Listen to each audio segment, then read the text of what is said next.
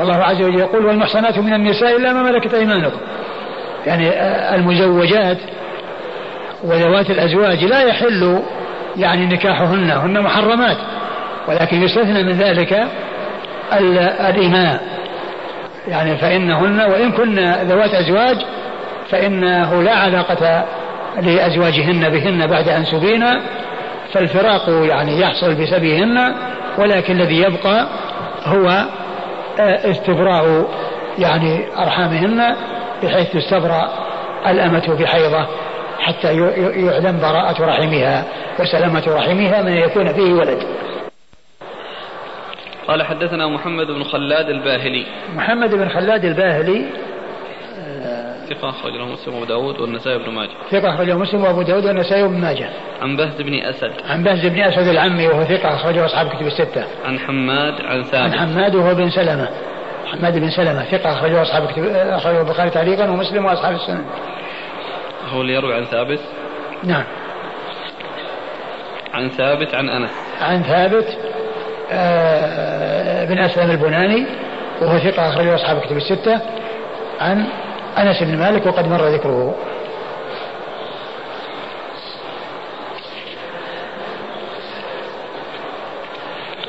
قال حدثنا داود بن معاذ قال حدثنا عبد الوارث قال حا وحدثنا يعقوب بن إبراهيم المعنى قال حدثنا ابن علية عن عبد العزيز بن صهيب عن أنس رضي الله عنه قال جمع السبي يعني بخيبر فجاء دحية رضي الله عنه فقال يا رسول الله أعطني جارية من السبي. قال اذهب فخذ جارية. فأخذ صفية بنت, بنت حيي رضي الله عنها فجاء رجل إلى النبي صلى الله عليه وآله وسلم فقال يا نبي الله أعطيت دحية.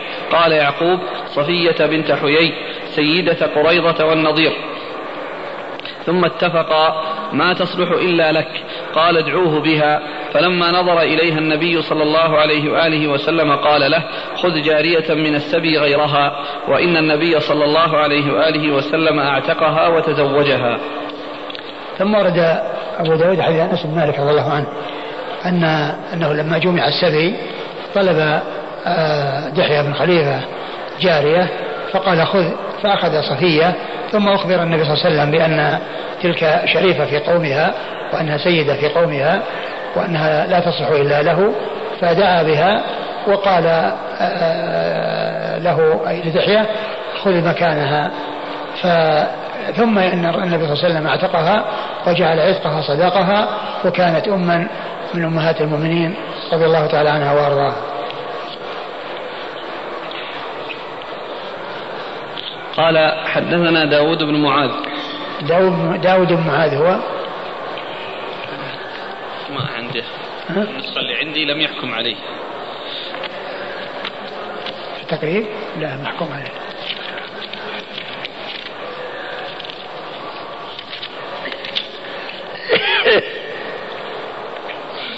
حكم عليه وضعها بين قوسين. إيش قال؟ حكم عليه بثقة. ثقة؟ إيه أخرج له؟ أبو داود النسائي آه، ثقة أخرج أبو داود النسائي ها؟ إيه لكن بس يعني هذا هذا ما أدري يعني من يعني يعني يعني يمكن ما في يعني شيء يعني في ترجمته يمكن في ترجمته في التقريب يعني في في, في تهذيب الكمال ما, ما في كلام يعني آه، يخرجه عن أن يكون ثقه. بس نسبة الكلام للحافظ. نعم. نسبة الكلام ما كان ما قال شيء في المقدمة أنه يجعل يعني الشيء بين قوسين. إلا أنه يعني يجعل ذلك بين قوسين. إيه؟ يعني معنى ذلك أنه معروف في المقدمة أن هذا من الزيادات. بدون التنصيص يعني عليها؟ اي لأنه لو راح ينص على كل في كل موضع يكثر الكلام. فإذا قاله مرة واحدة وهذه العلامة كونها بين قوسين يعني علم علم علم المقصود وقال في الأول هكذا أنه يعني يجعل بين قوسين نعم. نعم. عن عبد الوارث. عبد الوارث بن سعيد العنبري ثقة أخرجه أصحاب الكتب الستة. قال حاء وحدثنا يعقوب بن إبراهيم. ثم قال حاء وهي للتحول من إسناد إلى إسناد. حدثنا يعقوب بن إبراهيم الدورقي وهذا هو الذي ذكرته قريبا أنه من صغار شيوخ البخاري وأنه شيخ لأصحاب الكتب الستة. وأنه مات هو وبن دار ومحمد بن المثنى في سنة واحدة وهي سنة 52 و200 عن ابن علية عن ابن علية آه، آه، إسماعيل بن إبراهيم بن مقسم المشهور بابن علية وهو ثقة أخرجه أصحاب كتب الستة. عن عبد العزيز عن أنس. عن عبد العزيز عن أنس وقد مر ذكرهما وهذا من الرباعيات لأنها الآن عندي في طريقين وكل من الطريقين في فيهما رجلان. ثم يلتقيان عند عبد العزيز بن صهيب عن أنس فهو يعتبر من الرباعيات.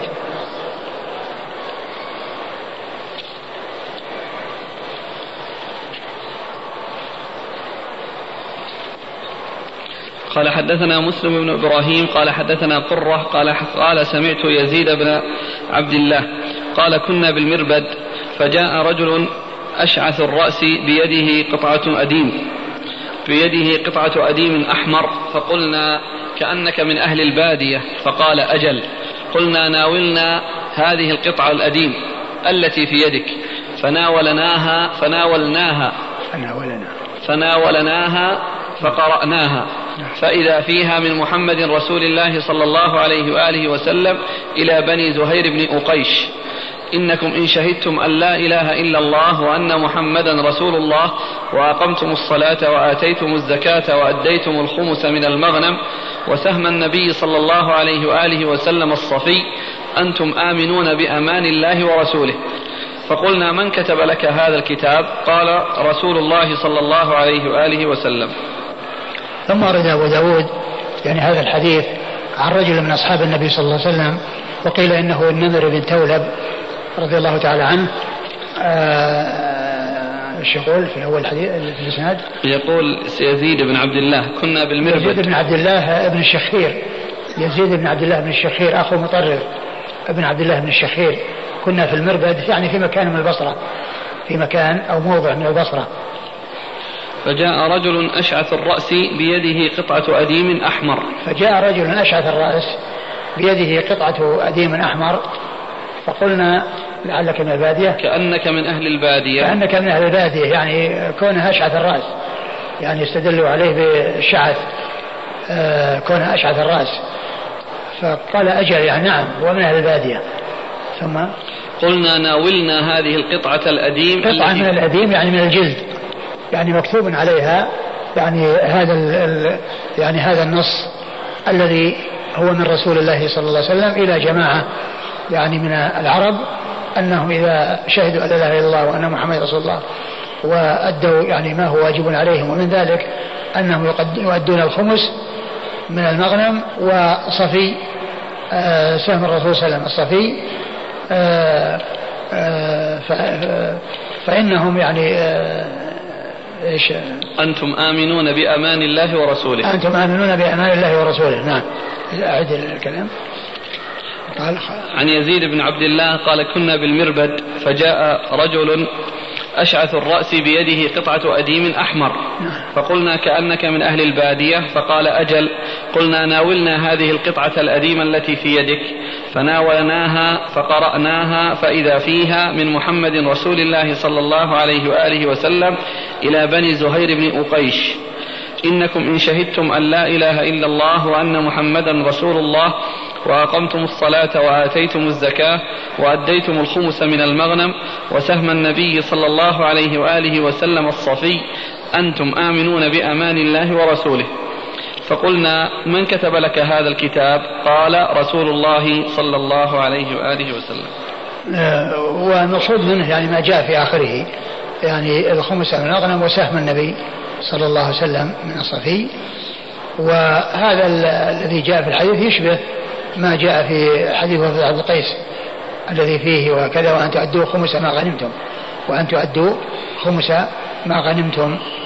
يعني وفيه ذكر الصفي هنا وهو محل الشاهد للترجمة. نعم. قال حدثنا مسلم بن إبراهيم مسلم بن إبراهيم الفراهيدي وهو أكبر شيخ روى عنه أبو داود لأنه توفي سنة 22 و200 وهو من صغار التاسعة ولهذا أدرك قرة بن خالد وهو من السادسة. أدرك قرة بن خالد وهو من السادسة. ومسلم بن إبراهيم ثقة أخرج أصحاب كتب الستة. وقرة بن خالد قرة بن خالد وهو نعم. ثقة أخرج أخرج أصحاب الكتب. ثقة أخرج أصحاب الكتب الستة.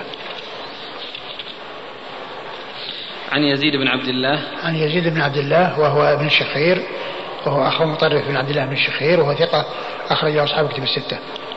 عن هذا الرجل. عن هذا الرجل وقيل إنه النمر بن ثولب وهو صحابي أخرج له. أبو داود النسائي أخرجه أبو داود والنسائي. انتهى الباب. نعم. والله تعالى أعلم وصلى الله وسلم وبارك على عبده ورسوله نبينا محمد وعلى آله وأصحابه أجمعين.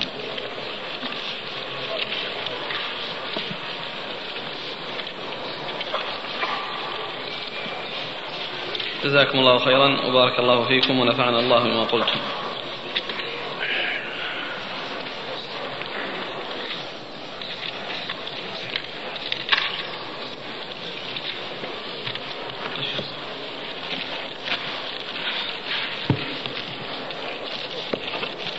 بالنسبة للأمس قضية الاهتزاز وقت القراءة.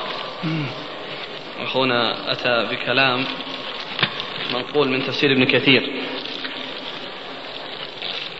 يقول عند قوله تعالى إن الذين آمنوا والذين هادوا والنصارى.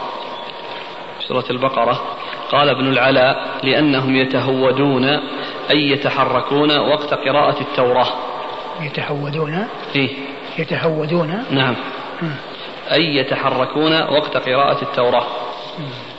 فإذا كان من عادة اليهود انتهى الكلام. الأخ يعلق يقول إذا كانت من عادة اليهود الاهتزاز وقت تلاوة التوراة وقد نهى رسول الله صلى الله عليه وسلم عن التشبه بهم. فلا ينبغي للمؤمن أن يتحرك وقت قراءة القرآن. نعم بس الكلام هذا غير ثابت يعني. كونه يعني قال شخص من الناس قال كذا وكذا. أقول هذا يعني لا, لا يعني لا يعتبر يعني أنه يثبت به يعني هذا الشيء. ولكن آه، كما عرفنا ال ال لا شك أن هذا من التكلف. يعني وبعض الناس يعني يحرك أو يتحرك من أجل الصوت من أجل يعني كون الصوت يعني يحصل فيه شيء بسبب هذه الحركة. وهذا يحصل من بعض المتكلفين في القراءة. يعني يجعل يديه في أذنيه عندما يقرأ ويحرك نفسه ويحرك رأسه يمين ويسار يمين, يمين وشمال. والذين حوله يقولون الله الله. يعني يعني آه، أعجبتهم هذه القراءة. ويقال أن أن واحدا يقرأ فقال بسم الله الرحمن الرحيم. قاف. قالوا الله الله. يعني إيش الذي يعني أعجبهم من قاف يعني من حيث المعنى؟ نعم. لا لا لا لا ابدا الاعتزاز ما ما هناك يعني شيء يدل عليه؟ يدل عليه يعني إثباتا أو منعا. نعم. إيش؟ ما هناك شيء يدل عليه إثباتا أو منعا. والله يعني قضية التكلف يعني كما قلنا التكلف ما يصلح. لا هو اللي يحصل الإنسان وهو يحفظ يبغى يحفظ لا. المقطع فيحرك نفسه. لا يعني هذا يعني من سلفه في هذا. أبد هي طبيعة كذا. يبغى يحافظ ويخلص ويسمى حق الشيخ يستعجل. يغير الطبيعة هذه. لكن ما فيها تشبه ما يقال يغير. لكن لا يقال أن فيها تشبها. والله التشبه كما قلنا يعني الثبوت هذا. هذا كلام من قال محمد ابن العلاء قال ابن العلاء نعم. إيه. يعني هذا كلام يعني آه، ما هو حديث ولا أقول ما هو حديث ولا يعني شيء عن الصحابة وإنما هو يعني إذا كان إذا كان هذا من عادتهم وأن هذا موجود فيهم وأنه ثابت يعني من معرفة أحوالهم فلا شك أن هذا يكون في تشبه.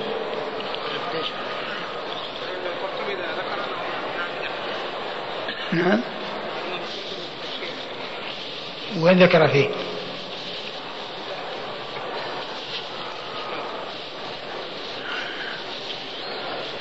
ذكرتم بارك الله فيكم وأنتم تتحدثون عن قضية الأبدال والأحاديث الواردة.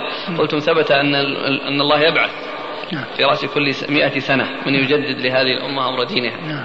السؤال هل هو واحد أو أكثر؟ بعض الناس يقول في ناس مجددين في الفقه وناس مجددين في في العقيدة وناس مجددين.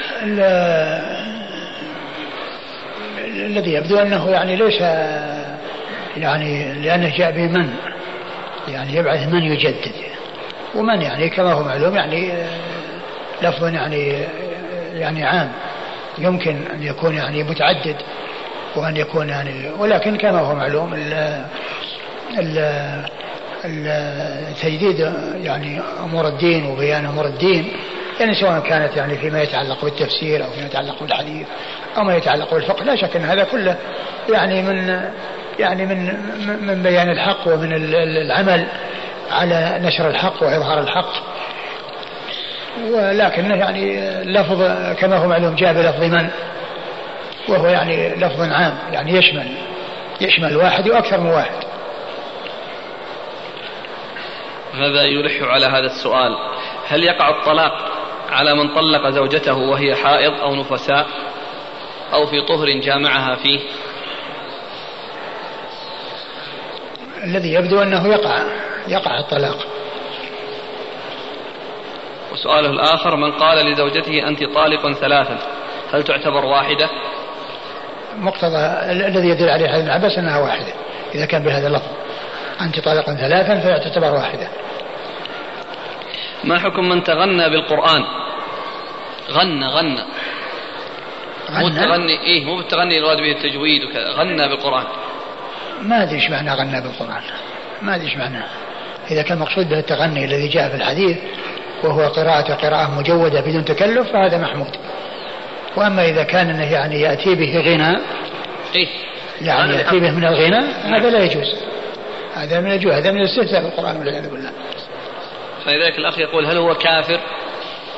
والله لا شك أنه على خطر وما حكم الاقتباس؟ إذا كان فيه استهزاء لا شك أنه فيه كفر وما حكم الاقتباس من القرآن في الشعر؟ والله ما نعلم يعني شيء يمنع منه أقول لا نعلم شيء يمنع منه كونه يعني يؤتى في ضمن الشعر يعني شيء من القرآن أو كلمات من القرآن أو جملة من القرآن ما, ما في بأس. من يقول بأن الكذب جائز لأجل الدعوة ويعد ذلك يعني مباحا قياسا على الإصلاح بين الاثنين إذا تنازعا. أقول هذا يؤثر في الدعوة. أقول الكذب في الدعوة يؤثر في قبولها. يعني كل إنسان يعني إذا عرف عنه الكذب لا يطمئن إلى دعوته.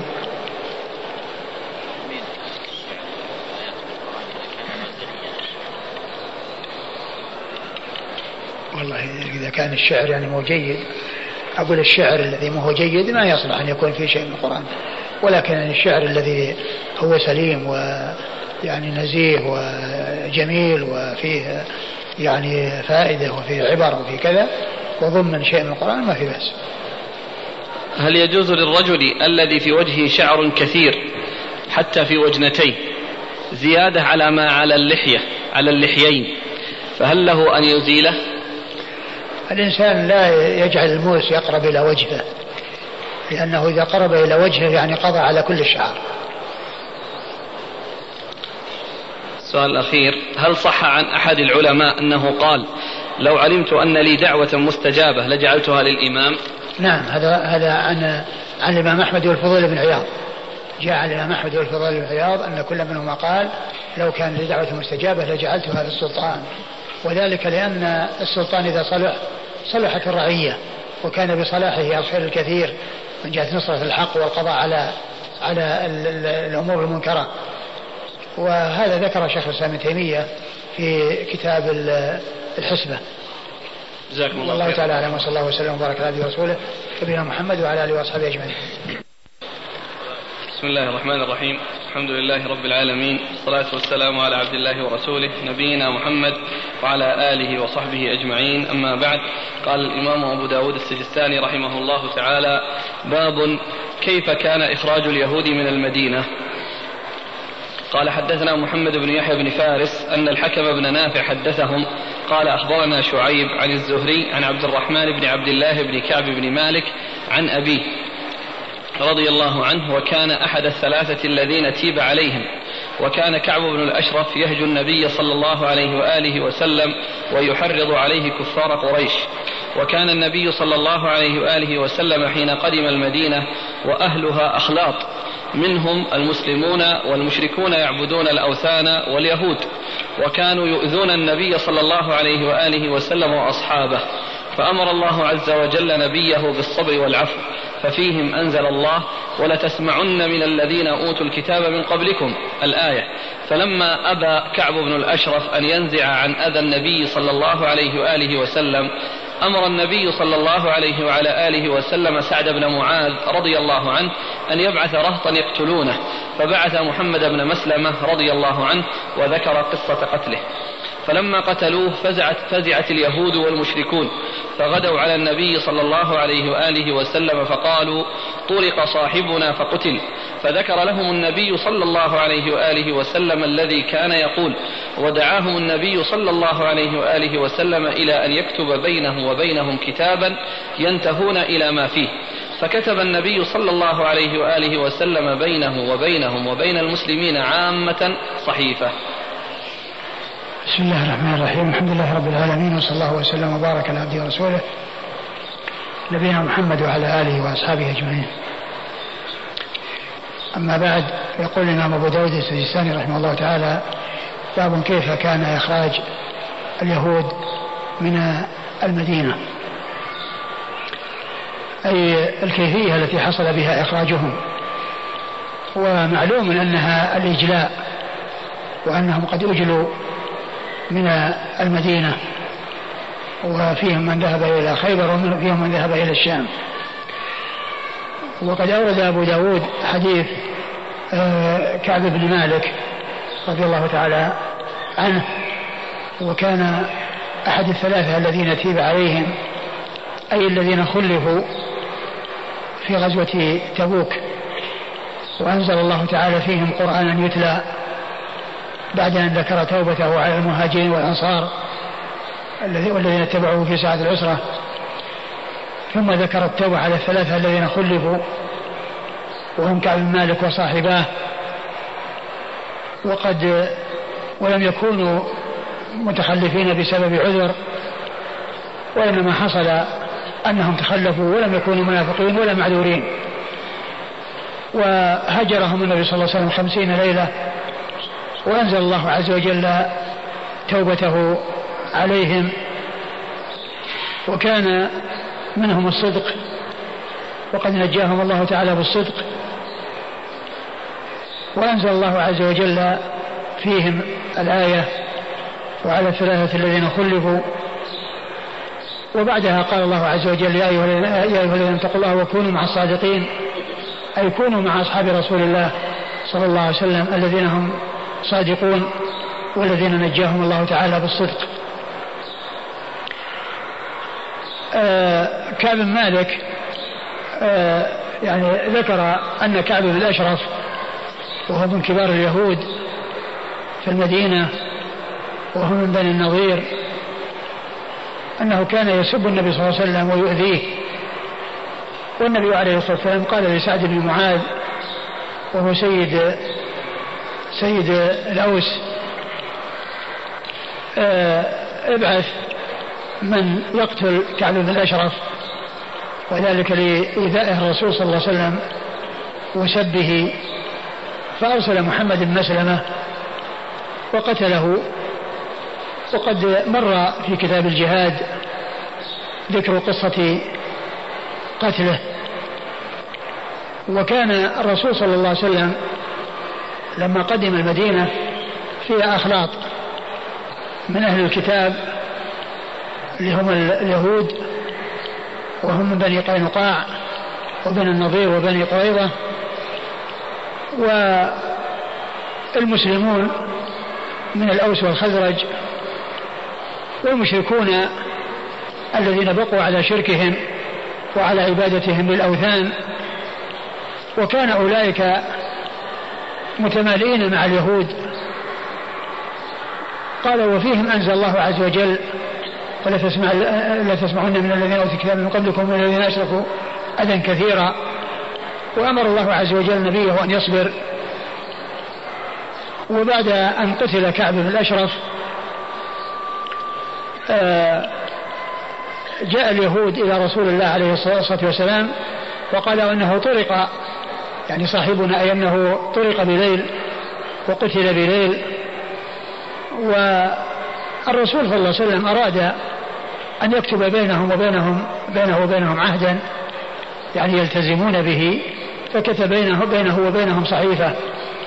ولكنهم بعد ذلك نقضوا العهد وأرادوا قتل النبي صلى الله عليه وسلم وإلقاء صخرة عليه وهو جالس تحت الجدار وبعد ذلك حصل ما حصل كما سيأتي يعني من إجلائهم وخروجهم من المدينة. نعم.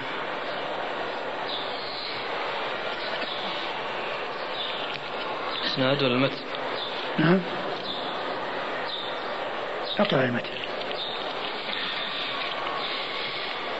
عن عبد الرحمن بن عبد الله بن كعب بن مالك عن أبيه رضي الله عنه وكان أحد الثلاثة الذين تيب عليهم. وكان كعب بن الأشرف يهجو النبي صلى الله عليه وآله وسلم ويحرض عليه كفار قريش. وكان النبي صلى الله عليه وآله وسلم حين قدم المدينة وأهلها أخلاط منهم المسلمون والمشركون يعبدون الأوثان واليهود. وكانوا يؤذون النبي صلى الله عليه وآله وسلم وأصحابه. فأمر الله عز وجل نبيه بالصبر والعفو. ففيهم أنزل الله ولتسمعن من الذين أوتوا الكتاب من قبلكم الآية. فلما أبى كعب بن الأشرف أن ينزع عن أذى النبي صلى الله عليه وآله وسلم أمر النبي صلى الله عليه وآله وسلم سعد بن معاذ أن يبعث رهطا يقتلونه. فبعث محمد بن مسلمة وذكر قصة قتله. فلما قتلوه فزعت اليهود والمشركون. فغدوا على النبي صلى الله عليه وآله وسلم فقالوا طرق صاحبنا فقتل. فذكر لهم النبي صلى الله عليه وآله وسلم الذي كان يقول ودعاهم النبي صلى الله عليه وآله وسلم إلى أن يكتب بينه وبينهم كتابا ينتهون إلى ما فيه. ينتهون إلى ما فيه. يعني ينتهون يعني يكون هو الذي يعمل به. يعني ما في هذا الكتاب الذي هو كتاب آه، العهد. ينتهون إلى ما فيه يعني يعملون ما فيه ويعتمدون على ما فيه. فكتب النبي صلى الله عليه وآله وسلم بينه وبينهم وبين المسلمين عامة صحيفة. نعم وهي صلح. على أساس يعني عهد أنهم يعني يعني يبقون وأن لا يحصل منهم أذى. نعم. هذا لجميع القبائل اليهودية ولا قبيلة خاصة مصالحة. يعني ال ال ال ما أدري لكن يعني هو بني قريظة هم اللي يعني كان فيهم كعب الأشرف والذي يبدو إنهم كلهم كل الكفار كل كل اليهود والمشركون. لأن ذكر هنا اليهود والمشركين لأنهم كانوا أخلاق. وفيهم المسلمون وفيهم اليهود وفيهم وفيهم المشركون المسلمون والمشركون واليهود. نعم. هنا ما فيه الإخراج. ما في ما الإخراج مو موجود. هنا الإخراج يعني بعد ذلك لأن هذا الذي اتفقوا عليه نقضوه. نقضوه وأرادوا قتل النبي صلى الله عليه وسلم. يعني أرادوا قتل النبي فصار ذلك نقضا للعهد الذي بينهم وبينه. وعند ذلك أجلاهم عن المدينة. وهذا بالنسبة لبني بني النظير وأما بنو قريظة فإنهم كانوا يعني عاهدوا وبقوا على العهد ولكنهم لما جاء الأحزاب جاء الأحزاب من مكة لقتال الرسول صلى الله عليه وسلم صاروا معهم فنقضوا بذلك العهد. ولما فرغ النبي صلى الله عليه وسلم منهم في غزوة أحد آه ذهب إلى بني قريظة. نعم. وبقية الثالثة. اللي هي؟ قينقاع قينقاع يعني قيل إنهم هم الذين أجلوا اولا وهم أول من خرج المدينة. قيل إنهم أول من خرج من المدينة يعني قبل بني النضير وقبل بني قريظة. قال حدثنا محمد بن يحيى بن فارس. محمد بن يحيى بن فارس الذهلي ثقة أخرج له البخاري وأصحاب السنن. عن الحكم بن نافع. عن الحكم بن نافع هو أبو هو أبو النعمان. الحكم بن نافع ثقة أخرجه أصحاب كتب الستة. عن شعيب. عن شعيب بن أبي حمزة الحمصي. ثقة أخرجه أصحاب كتب الستة. عن الزهري. عن الزهري وهو محمد بن مسلم بن عبيد الله بن شهاب الزهري. ثقة أخرجه أصحاب كتب الستة. عن عبد الرحمن عن عبد الرحمن. بن عبد الله بن كعب بن مالك. وهو ثقة أخرج حديثه البخاري وأبو داود. و البخاري ومسلم وأبو داود. البخاري ومسلم وأبو داود والنسائي. عن أبيه. عن أبيه أي جده الذي هو كعب بن مالك. وهو الذي تيب عليه لأنه أحد الثلاثة. وأما عبد الله الذي هو والد عبد الرحمن ابن كعب فإنه تابعي وليس بصحابي. و آه وعبد الرحمن روى عن عن جده كما أنه روى عن أبيه. وروايته رواية أبيه يعني تكون مرسلة ولكنه هنا قال وكان من الذين تيب عليهم. فإذا المقصود به الجد الذي هو الذي الذي هو أب. يعني أبوه الذي هو جده وهو كعب بن مالك. وهو قد سمع من جده كعب بن مالك كما أنه سمع من أبيه. وعلى هذا فالرواية إنما هي عن الجد الذي هو كعب مالك والذي قيل له أب. والجد كما هو معلوم أب. و آه، يعني أحيانا آه، آه، تكون الرواية عن الأب والمراد به الجد. نعم. وكعب بن مالك رضي الله عنه صاحب رسول الله صلى الله عليه وسلم هو أحد الثلاثة الذين خلفوا وحديثه أخرجه أصحاب كتب الستة.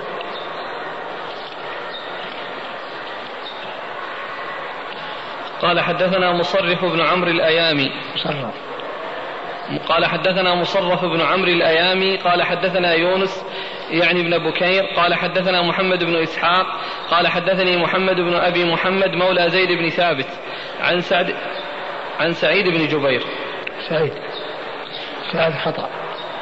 عن سعيد بن جبير وعكرمة عن ابن عباس رضي الله عنهما قال لما أصاب رسول الله صلى الله عليه وآله وسلم قريشا يوم بدر وقدم المدينة جمع اليهود في سوق بني قينقاع. فقال يا معشر يهود أسلموا قبل أن يصيبكم مثل ما أصاب قريشا. قالوا يا محمد لا يغرنك من نفسك أنك قتلت نفرا من قريش كانوا أغمارا لا يعرفون القتال. إنك لو قاتلتنا لعرفت أنا نحن الناس. وأنك لم تلق مثلنا. فأنزل الله عز وجل في ذلك قل للذين كفروا ستغلبون. قرأ مصرف إلى قوله فئة تقاتل في سبيل الله ببدر وأخرى كافرة. ثم ورد أبو داود حديث ابن عباس رضي الله تعالى عنهما في آه، قصة اليهود وأنهم آه، وأن أن الرسول صلى الله عليه وسلم لما قاتل المشركين في بدر ونصره الله عز وجل عليهم وقال أو جمع اليهود في مكان لبني قينقاع وهم طائفة من اليهود ومنهم عبد الله بن سلام رضي الله تعالى عنه وقال يعني أسلموا قبل أن يصيبكم مثل ما أصاب الذين قبلكم. أي قريش. قالوا قالوا قالوا, قالوا يا محمد لا يغرنك من نفسك أنك قتلت نفرا من قريش كانوا أغمارا لا يعرفون القتال. لا يغرك لا يغرك من نفسك أنك قتلت أغمارا من قريش لا يعرفون القتال. يعني أغمارا يعني معناه ليس عندهم آه، خبرة وليس عندهم معرفة في الحروب.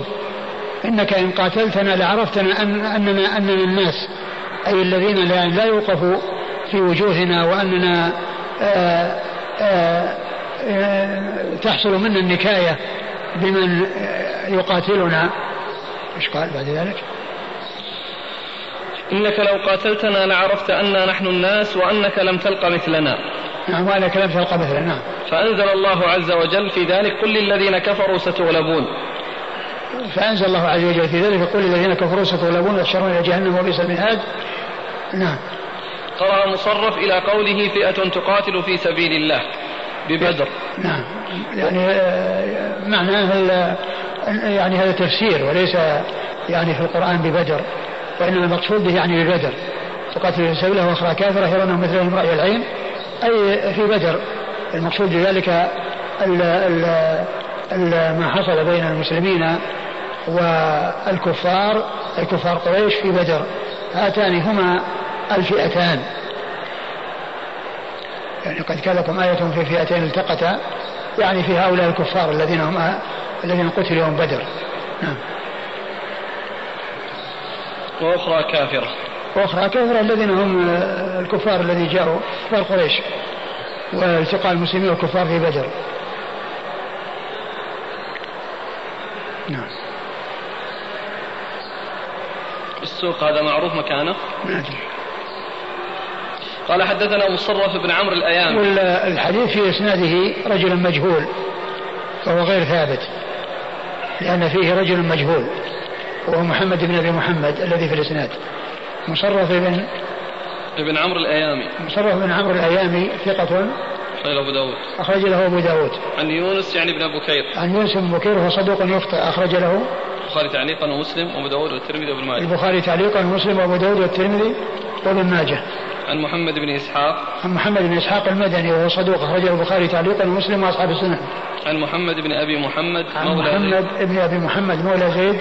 بن ثابت. زيد بن ثابت وهو مجهول. أخرجه أبو داود.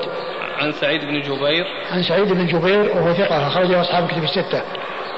وعكرمة وهو مولى ابن عباس ثقة أخرجه أصحاب الكتب الستة. عن ابن عباس عبد الله بن عباس بن عبد المطلب ابن عم النبي صلى الله عليه وسلم وأحد العباد الأربعة من الصحابة وأحد السبعة المعروفين بكثرة الحديث عن النبي صلى الله عليه وسلم. صلى الله عليك الضبط هذا وقفتم عليه يعني مضبوط هكذا؟ اللي هو؟ الجادة نقرأ مصرف إيش اللي أخرج عن الجادة؟ لا في فيه شو اسمه فيه ضبط مو بتقريب؟ تقريب قال بتشديد الراء. لا قال بتشديد الراء المفتوحة ما قال مفتوحة. راجعته وجدته لا إذا في شوف في في عون المعبود ولا ما وجدت في العون. ما علق عليه.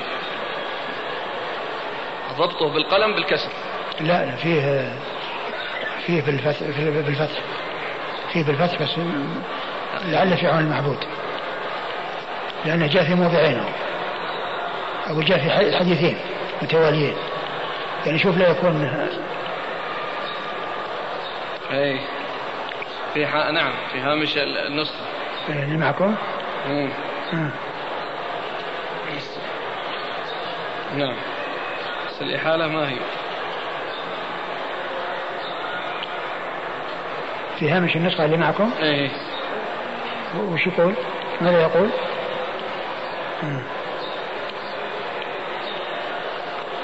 عجيب يعني مثل هذا على خلاف الجادة العادة الحافظ ينص عليه مع أنه ذكره في مساق من هم مصرف جميعا لأنه ذكر عدد من الرواة الكتب الستة في التقريب.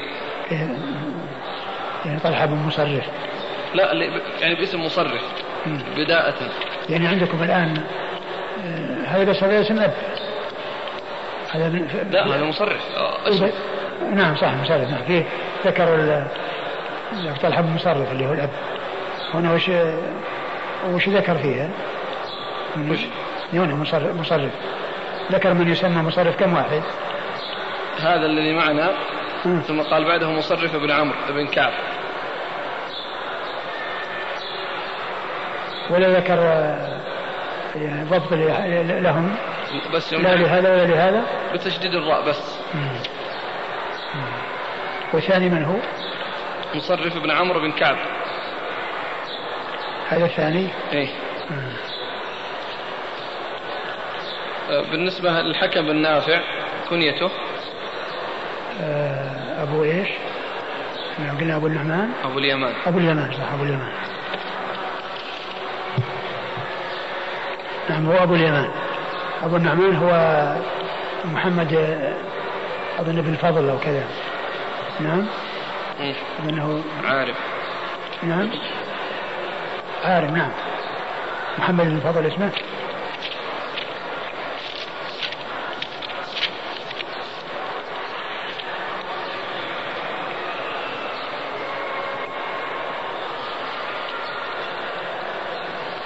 نعم محمد بن فضل السدوسي. إيه هذا أبو هذا أبو النعمان. وأما وأما هذا الذي معنا الحكم بن نافع هو أبو اليمان.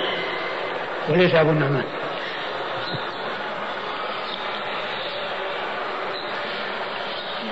على كل يعني هذا الضبط يعني هذا يمكن يرجع إلى المشتبه وتفسير المنتبه بتحرير المشتبه.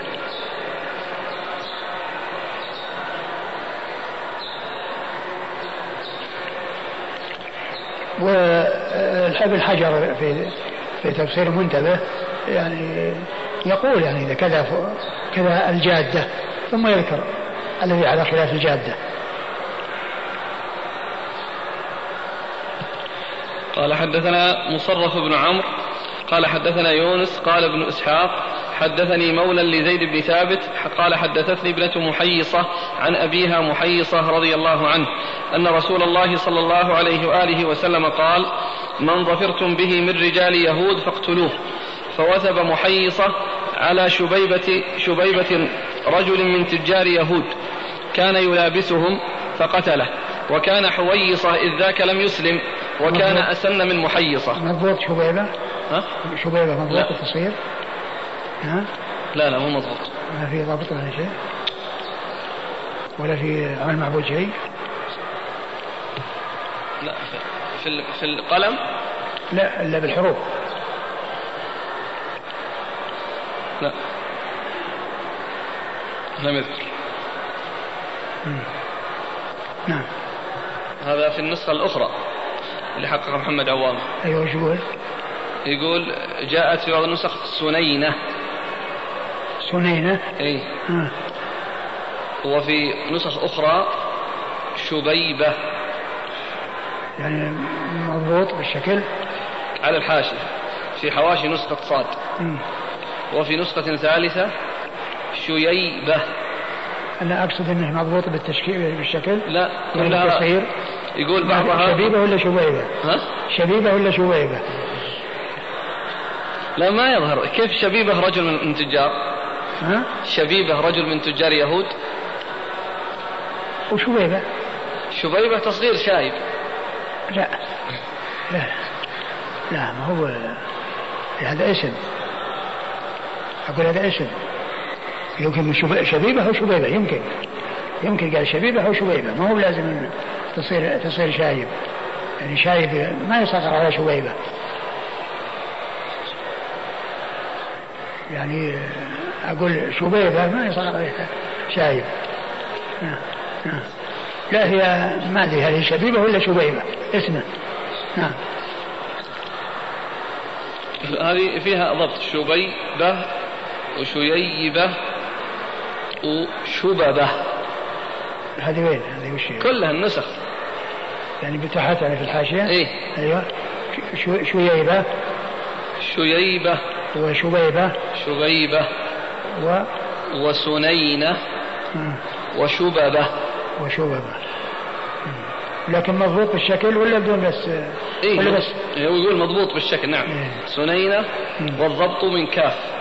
وكتب الحافظ على الحاشية اليسرى بحروف مفرقة. وفي حاء مع الضبط شبيبة. وكذا على حاشية صاد اليمنى بحروف مفرقة. مع الضبط أيضا. وفي عين شييبة طيب. مع الضبط. طيب شبيبة نعم.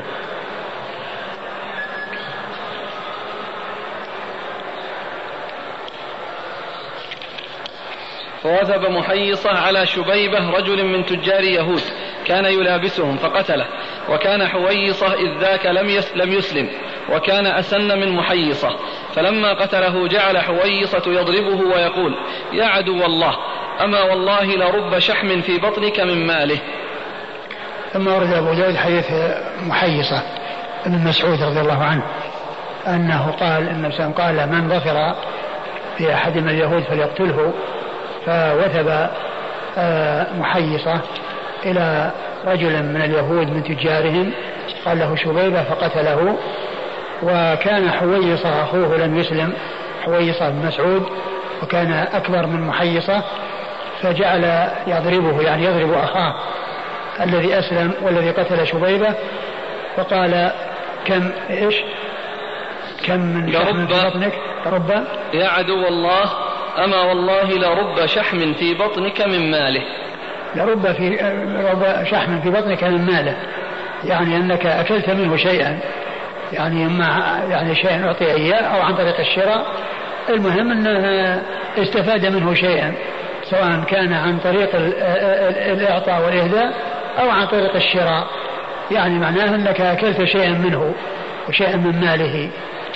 وأن جسمك نبت على شيء من ماله. والحديث أيضا غير ثابت لأن فيه ذلك الرجل المبهم الرجل الذي هو يعني مولى زيد بن ثابت وفيه أيضا ابنة محيصة أيضا مجهولة لا تعرف. قال حدثنا مصرف بن عمرو عن يونس عن ابن إسحاق عن مولى لزيد بن ثابت عن ابنة محيصة. ابنة محيصة. آه قال الحافظ أنها لا تعرف واخرج لها أبو داود. نعم. اخرج لها أبو داود. عن محيصة رضي الله عنه وحديث أخرجه أصحاب السنن. الحديثان الآن غير ثابتين. بالنسبة للباب. إخراج اليهود من المدينة. ما فيه يعني ما فيه شيء من الإخراج. ولكن يعني إذا كان فيه اختصار أو أنه يعني يتعلق في الموضوع من ناحية يعني ما ما حصل لليهود أما قضية الإخراج ليس فيه ما إخراج. ليس فيه ما إخراج.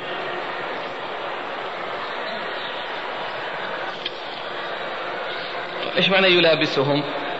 يعني معنى كأنه يعاملهم أو يعني يختلط بهم. يختلط بهم.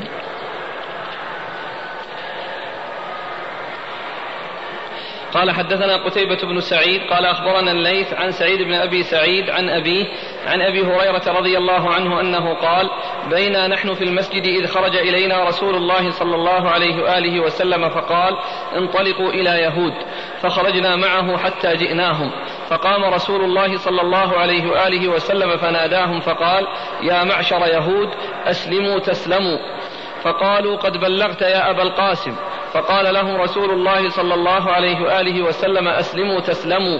فقالوا قد بلغت يا أبا القاسم. فقال رسول الله صلى الله عليه وآله وسلم ذلك أريد. ثم قالها الثالثة اعلموا أنما الأرض لله ورسوله وإني أريد أن أجليكم من هذه الأرض فمن وجد منكم بماله شيئا فليبعه وإلا فاعلموا أنما الأرض لله ورسوله صلى الله عليه وآله وسلم. ثم ورد أبو داود حديث أبي هريرة رضي الله عنه. قال بينما نحن بالمسجد مع رسول الله صلى الله عليه وسلم إذ إيش؟ إذ خرجنا إلى إذ خرج إلينا رسول بينما نحن في المسجد إذ خرج إلينا رسول الله صلى الله عليه وسلم. فقال انطلقوا إلى يهود. بينما نحن في المسجد إذ خرج علينا رسول الله صلى الله عليه وسلم فقال انطلقوا إلى يهود. فانطلقوا معه صلى الله عليه وسلم فقال حتى جئناهم فقام رسول الله صلى الله عليه وآله وسلم فناداهم فقال يا معشر يهود أسلموا تسلموا. آه، فقال لهم النبي صلى الله عليه وسلم يا معشر يهود أسلموا تسلموا. يعني إذا أسلمتم حصلت لكم السلامة.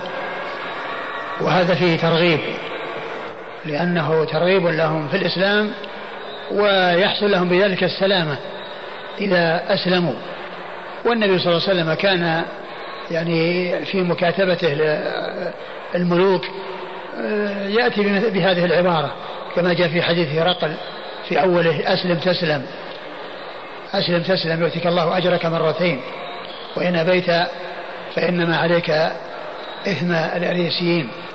ففيه ترغيب وترهيب وهنا قوله أسلم تسلم فيه ترغيب لأنه يحصلون, يحصلون بذلك السلام والأمن على أنفسهم وعلى أموالهم. وعلى ذراريهم ونسائهم. أسلموا تسلموا قالوا قد بلغت يا أبا القاسم. بلغت يا أبا القاسم. فأعاد ذلك عليهم فقالوا قد بلغت. فقال ذلك أريد يعني أنه قد أنه قد أقام عليهم الحجة وأنه قد بلغهم الشيء الذي أمر بتبليغه وأنه بعد ذلك إذا حصل منه آه، ما يحصل مما فيه عقوبة لهم من إجلاء أو قتال أو ما إلى ذلك فإن فإنه قد سبق أن دعاهم إلى الإسلام وأنه أمرهم بأن يسلموا وطلب منهم أن يسلموا لتحصل منهم السلامة لتحصل لهم السلامة. وإذا لم يحصل منهم ذلك فإنه يحصل لهم العقوبة التي يستحقونها إما بكونهم يقاتلون أو بكونهم يجلون. و أو بكونهم يجلون يعني يحصل لهم الجلاء من المدينة. فقال قال ذلك أريد. ثم قال الثالثة اعلموا أنما الأرض لله ورسوله وإني أريد أن أجليكم من هذه الأرض. إنما, إنما الأرض لله ورسوله. يعني الحكم فيها لله ورسوله. وأنه يريد أن يجليهم منها إذا لم يسلموا. نعم. فمن وجد منكم بماله شيئا فليبعه. يعني الشيء الذي يريد أن أن يبيعه يبيعه. والشيء الذي هذا ينقله معه ويحمله معه. نعم.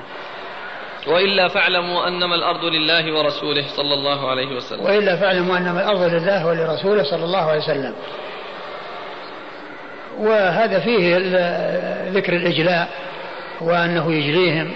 ثم إن هذا فيه آه، آه، ذكر أبي هريرة وأنه قال بينما نحن جلوس وأبو هريرة إنما أسلم عام خيبر وهذا يفيد بأن هذا بعد خيبر ومعلوم أن أنه يحمل هذا على من بقي من اليهود أو البقايا التي بقيت من اليهود بعد خيبر وقد حصل الإجلاء قبل ذلك. إجلاء اليهود كلهم خرج قد أجلوا قبل خيبر. وكان جلاءهم إلى خيبر وإلى الشام. ولكن هذا الذي قاله أو جاء عن أبي هريرة يحمل على يعني بقايا بقيت من اليهود في المدينة. وكان ذلك بعد أن رجع من خيبر لأن أبا هريرة إنما أسلم عام خيبر. نعم. قال حدثنا قتيبة بن سعيد. قتيبة بن سعيد آه، ثقة أخرجه أصحاب كتب الستة. عن الليث. عن الليث بن سعد المصري ثقة أخرجه أصحاب كتب الستة. عن سعيد بن أبي سعيد. سعيد بن أبي سعيد المقبوري ثقة أخرجه أصحاب كتب الستة. عن, أبيه هو ثقة أخرجه أصحاب كتب الستة. عن أبي هريرة. عن أبي هريرة عبد الرحمن بن صخر الدوسي صاحب رسول الله صلى الله عليه وسلم وأحد السبعة المعروفين بكثرة الحديث عن النبي صلى الله عليه وسلم.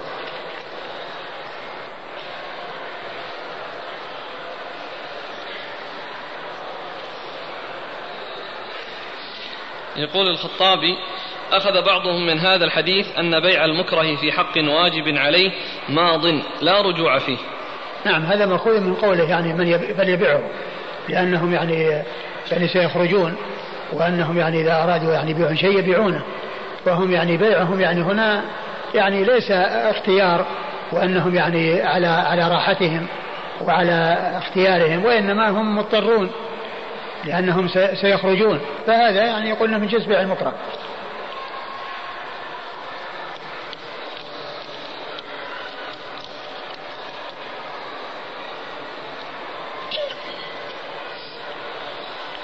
وهذا خاص بأي اليهود؟ آه هذا بقايا. يمكن يعني ما أدري من أي اليهود لكنهم بقايا بقيت. ومن المعلوم أن اليهود آه ثلاث طوائف بني قينقاع وهم الذين خرجوا أولا ويليهم بني النضير الذين خرجوا ثانيا ويليهم بني قريظة الذين خرجوا آخرا. وهؤلاء بقايا بقيت منهم. لا ندري هل هي من الطوائف كلها أو من بعضها.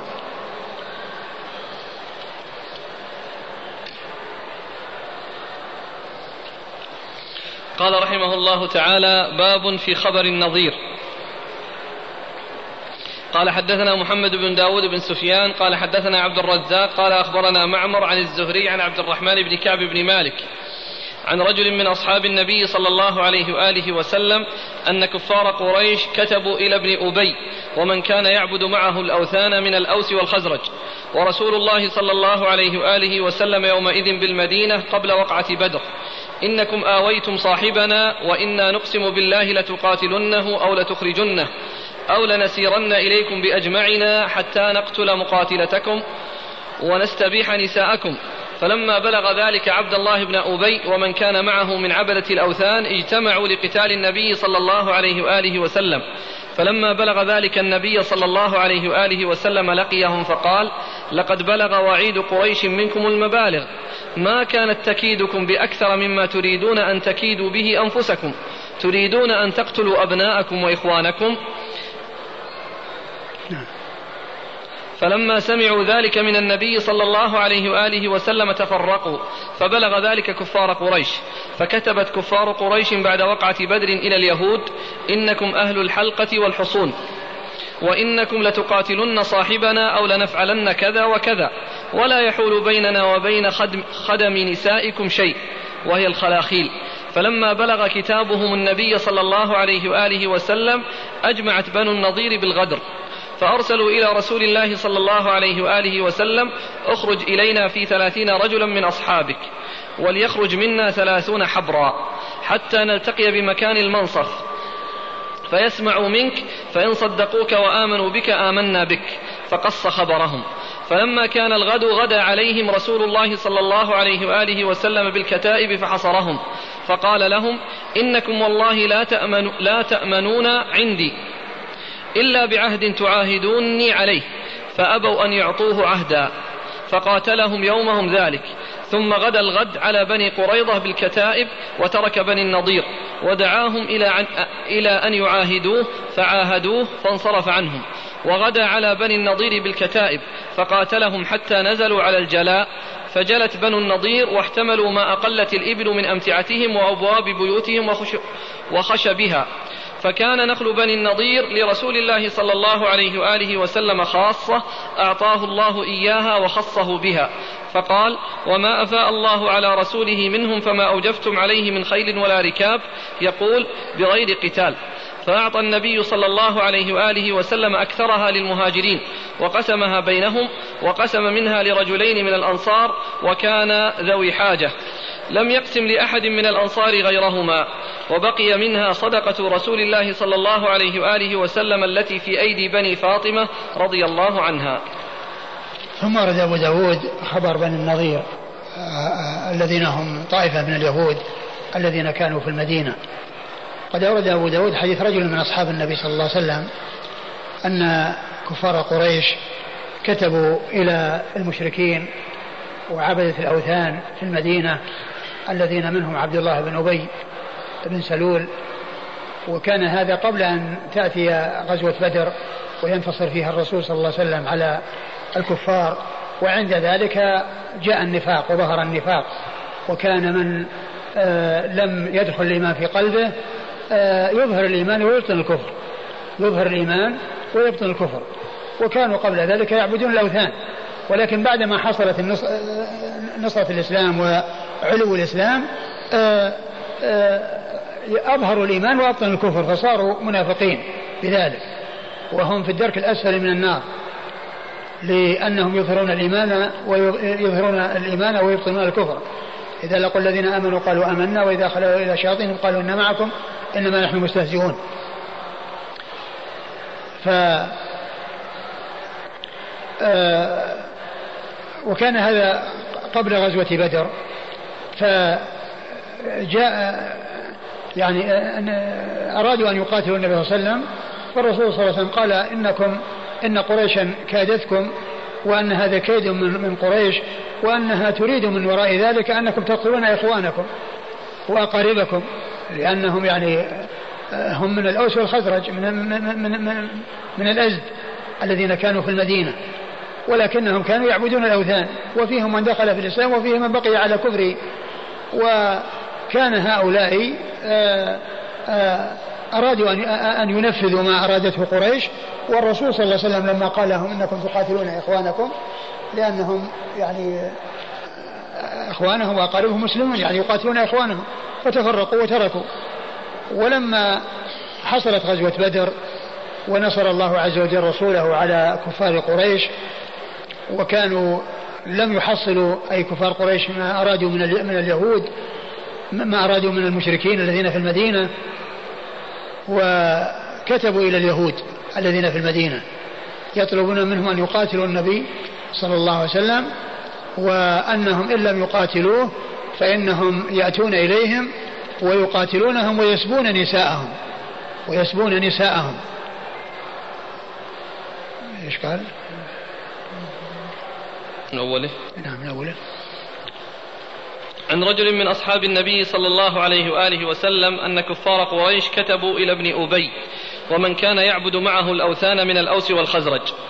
ورسول الله يعني هذا لما كان لما كان كفرهم ظاهرا قبل أن تحصل النصرة والغلبة للرسول صلى الله عليه وسلم على كفار قريش نعم ورسول الله صلى الله عليه وآله وسلم يومئذ بالمدينة قبل وقعة بدر إنكم آويتم صاحبنا وإنا نقسم بالله لتقاتلنه أو لتخرجنه أو لنسيرن إليكم بأجمعنا حتى نقتل مقاتلتكم ونستبيح نساءكم.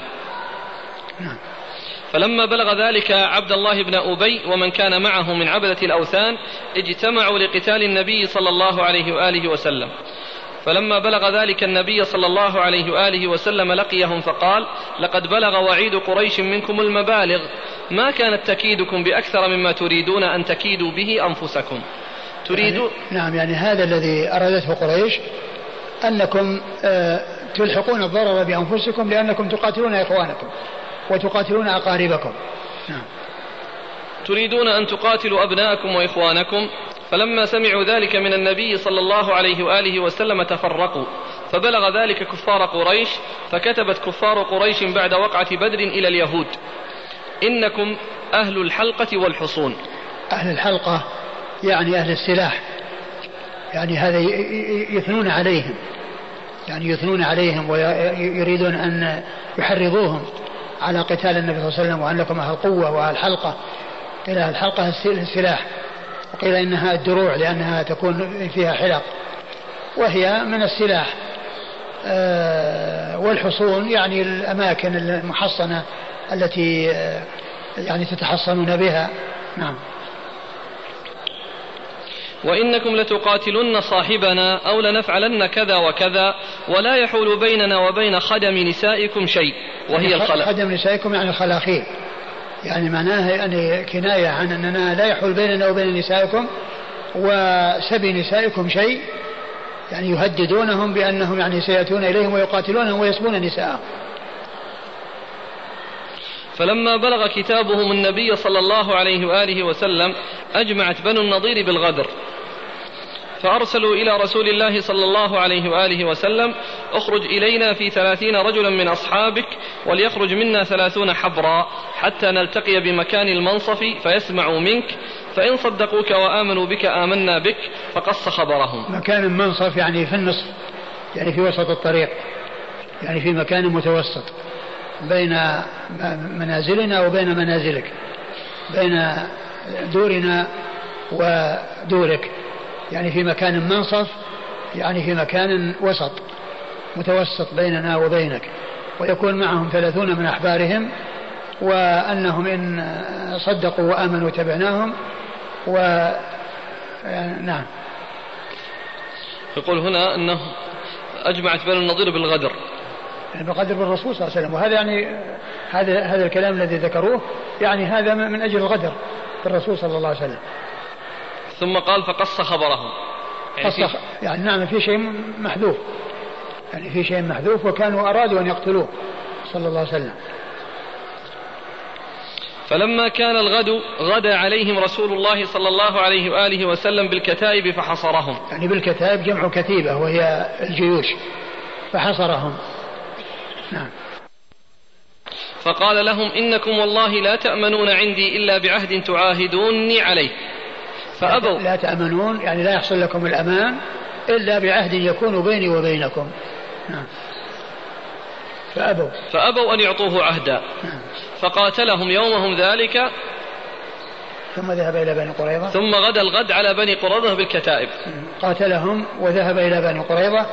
وبني قريظة يعني عاهدوا حصل بينه وبين عهد فرجع إليهم فرجع إلى بني النضير. إلى بني النضير. يعني معناه كأن الرسول صلى الله عليه وسلم لما قاتل هؤلاء ذهب إلى بني قريظة يعني حتى يعني يكون بينه وبينهم عهد لئلا ينصروهم ويتعاونوا معهم على قتاله. فذهب إليهم وحصل معهم بينه وبينهم العهد ثم رجع إلى هؤلاء فقاتلهم. نعم. فقاتلهم حتى نزلوا على الجلاء. حتى نزلوا على الجلاء يعني حاصرهم حتى نزلوا على أنهم يجلوا عن المدينة ويخرجوا منها. نعم. فجلت بنو النضير واحتملوا ما أقلت الإبل من أمتعتهم وأبواب بيوتهم وخشبها. جلوا وحملوا على الإبل ما تحمله من أمتعة بيوتهم وخشبها وأبوابها. نعم. فكان نخل بني النضير لرسول الله صلى الله عليه وسلم خاصة. يعني فكان نخل بني النضير لرسول الله خاصة لأنه في لأنه يعني لأنهم يعني نزلوا على أن يجلوا وأن يتركوا أرضهم ويحملوا الشيء الذي يعني يقدرون على حمله الذي تحمله إبلهم وبقيت الأراضي. فكانت فيئا لرسول الله صلى الله عليه وسلم خاصة آه، يضعها حيث حيث شاء ينفق على أهله منها والباقي يضعه في مصالح المسلمين كما سبق أن مر ذلك. أعطاه الله إياها وخصه بها فقال وما أفاء الله على رسوله منهم فما أوجفتم عليه من خيل ولا ركاب. يقول بغير قتال. فأعطى النبي صلى الله عليه وآله وسلم أكثرها للمهاجرين وقسمها بينهم. آه، أعطى النبي صلى الله عليه وسلم أكثرها للمهاجرين لأنهم هم الذين بحاجة إلى إليها.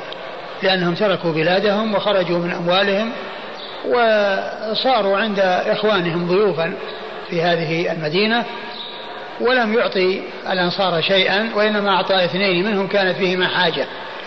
وهذا يفيد بأن الفيء إنما هو للجميع. ولكنه قدم المهاجرون لحاجتهم ولأنهم خرجوا من ديارهم وأموالهم. وأما الأنصار فهم في بلادهم وفي أموالهم وعندهم أموالهم. وأعطى اثنين من الأنصار كانت بهم بهما حاجة. نعم. وقسم منها لرجلين من الأنصار وكان ذوي حاجة لم يقسم لأحد من الأنصار غيرهما وبقي منها صدقة رسول الله صلى الله عليه وآله وسلم التي في أيدي بني فاطمة رضي الله عنها. وبقي منها إيش؟ بقي منها. بقي منها صدقة رسول الله صلى الله عليه وسلم. بقي منها صدقة رسول الله صلى الله عليه وسلم يعني من يعني من هذا من هذا من هذه الأرض ومن هذا المال الذي تركوه التي بأيدي بني فاطمة. نعم. بني فاطمة ما أدري إيش المقصود بقوله بني فاطمة لأن بني فاطمة الحسن والحسين وكانوا يعني في قبل ذلك يعني آه، إلا أن يكون مقصود به يعني آه، يعني آه، قرابات وإلا فإن الحسن والحسين كان زواج علي كما هو معلوم بعد غزوة بدر بعد غزوة بدر. وإجلاء بني النضير إنما كان قيل إنه بعد بدر وقيل إنه بعد أحد لكن قوله بني فاطمة ما أدري إيش المقصود به لأنها ليس لها بني بنون في ذاك الوقت.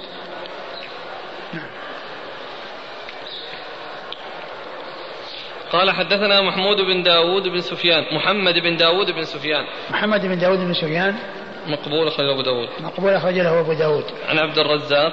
عن عبد الرزاق بن همام الصنعاني اليماني ثقة أخرجه أصحاب كتب الستة. عن معمر. عن معمر بن راشد الأزدي البصري ثم اليماني ثقة أخرجه أصحاب كتب الستة. عن الزهري عن عبد الرحمن بن كعب بن مالك. عبد عن الزهري مر ذكره عبد الرحمن بن كعب بن مالك آه ثقة أخرج له أصحاب الكتب. أخرجه أصحاب الكتب الستة.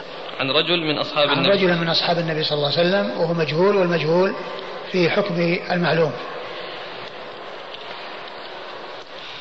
قال حدثنا محمد بن يحيى بن فارس قال حدثنا عبد الرزاق قال أخبرنا ابن جريج عن موسى بن عقبة عن نافع عن ابن عمر رضي الله عنهما أن يهود النضير وقريضه حاربوا رسول الله صلى الله عليه وآله وسلم فأجلى رسول الله صلى الله عليه وآله وسلم بني النضير. وأقر قريضة ومن عليهم حتى حاربت قريضة. حتى حاربت قريضة بعد ذلك فقتل رجالهم وقسم نساءهم وأموال وقسم نساءهم وأولادهم وأموالهم بين المسلمين. إلا بعضهم لحقوا برسول الله صلى الله عليه وآله وسلم فأمنهم وأسلموا. وأجلى رسول الله صلى الله عليه وآله وسلم يهود المدينة كلهم. بنو قينقاع بني قينقاع وهم قوم عبد الله بن سلام. ويهود بني حارثة وكل يهودي كان بالمدينة. ثم ورد أبو داود رحمه الله حديث ابن عمر رضي الله تعالى عنهما. قال أن يهود النضير وقريضة حاربوا رسول الله صلى الله عليه وسلم فأجلى رسول الله صلى الله عليه وسلم بني النضير وأقر قريضة. أجلى بني النضير يعني أولا وأقر بني قريظة لأنهم كانوا قد يعني كما مر في الحديث السابق أنهم عقدوا عهدا مع النبي صلى الله عليه وسلم وأنه رجع إلى بني قريظة وقاتلهم وأنهم نزلوا آه، وافقوا على أنهم يجلون عن المدينة. وبقيت بنو قريظة حتى صار صارت آه، غزوة أحد وجاءت الأحزاب التي تريد أن تقاتل النبي صلى الله عليه وسلم فعند ذلك نقض بنو قريظة العهد وصاروا مع الأحزاب. وبعد فراغ النبي صلى الله عليه وسلم من قتال آه، من من غزوة الأحزاب في الخندق أمر بأن يذهب إلى بني قريظة. وحصل يعني قتالهم ونزلوا على يعني حكم سعد بن معاذ رضي الله تعالى عنه وحكم بقتل المقاتلة وسبي الذراري والنساء. ولهذا يقول إنه يعني سبى نساءهم وذراريهم وقسم أموالهم بين المسلمين. نعم. إن يهود النضير وقريضة حاربوا رسول الله صلى الله عليه وآله وسلم فأجلى رسول الله صلى الله عليه وآله وسلم بني النضير وأقر قريضة ومن عليهم حتى حاربت قريضة حتى حاربت قريضة بعد ذلك فقتل رجالهم يعني حاربت مع مع الأحزاب الذين جاءوا لقتال النبي صلى الله عليه وسلم عام الخندق عام غزوة الخندق. نعم. حتى حاربت قريضة بعد ذلك فقتل رجالهم وقسم نساءهم وأولادهم وأموالهم بين المسلمين. إلا بعضهم لحقوا برسول الله صلى الله عليه وآله وسلم فأمنهم وأسلموا. يعني بعضهم يعني بعض بني قريظة لحقوا بالنبي صلى الله عليه وسلم وأمنهم وأسلموا. يعني فلم يحصل لهم الذي حصل لإخوانهم. وأجلى رسول الله صلى الله عليه وآله وسلم يهود المدينة كلهم. بني قينقاع وهم قوم عبد الله بن سلام ويهود بني حارثة وكل يهودي كان بالمدينة. نعم. قال حدثنا محمد بن يحيى بن فارس عن عبد الرزاق عن ابن جريج. ابن جريج عبد الملك بن عبد العزيز بن جريج. ثقة. أخرجه أصحاب كتب الستة. عن موسى بن عقبة. موسى بن عقبة ثقة أخرجه أصحاب كتب الستة. عن نافع. عن نافع مولى بن عمر ثقة أخرجه أصحاب كتب الستة. عن ابن عمر عبد الله بن عمر بن الخطاب رضي الله تعالى عنهما الصحابي الجليل أحد العباد له الأربعة من الصحابة وأحد السبعة المعروفين بكثرة الحديث عن النبي صلى الله عليه وسلم. باب ما جاء في حكم أرض خيبر. نعم. قال حدثنا هارون بن زيد بن أبي الزرقاء قال حدثنا أبي قال حدثنا حماد بن سلمة عن عبيد الله بن عمر قال أحسبه عن نافع عن ابن عمر رضي الله عنهما أن النبي صلى الله عليه وآله وسلم قاتل أهل خيبر فغلب على النخل والأرض وألجأهم إلى قصرهم فصالحوه على أن لرسول الله صلى الله عليه وآله وسلم الصفراء والبيضاء والحلقة. ولهم ما حملت ما حملت ركابهم على أن لا يكتموا ولا يغيبوا شيئا. فإن فعلوا فلا ذمة لهم ولا عهد. فغيبوا مسكا لحيي بن أخطب وقد كان قتل قبل خيبر وكان احتمله معه يوم بني النضير حين أجليت النضير. فيه حليهم. قال فقال النبي صلى الله عليه وآله وسلم لسعيه أين مسك, أين مسك حيي بن أخطب؟ قال أذهبته الحروب والنفقات فوجدوا المسك.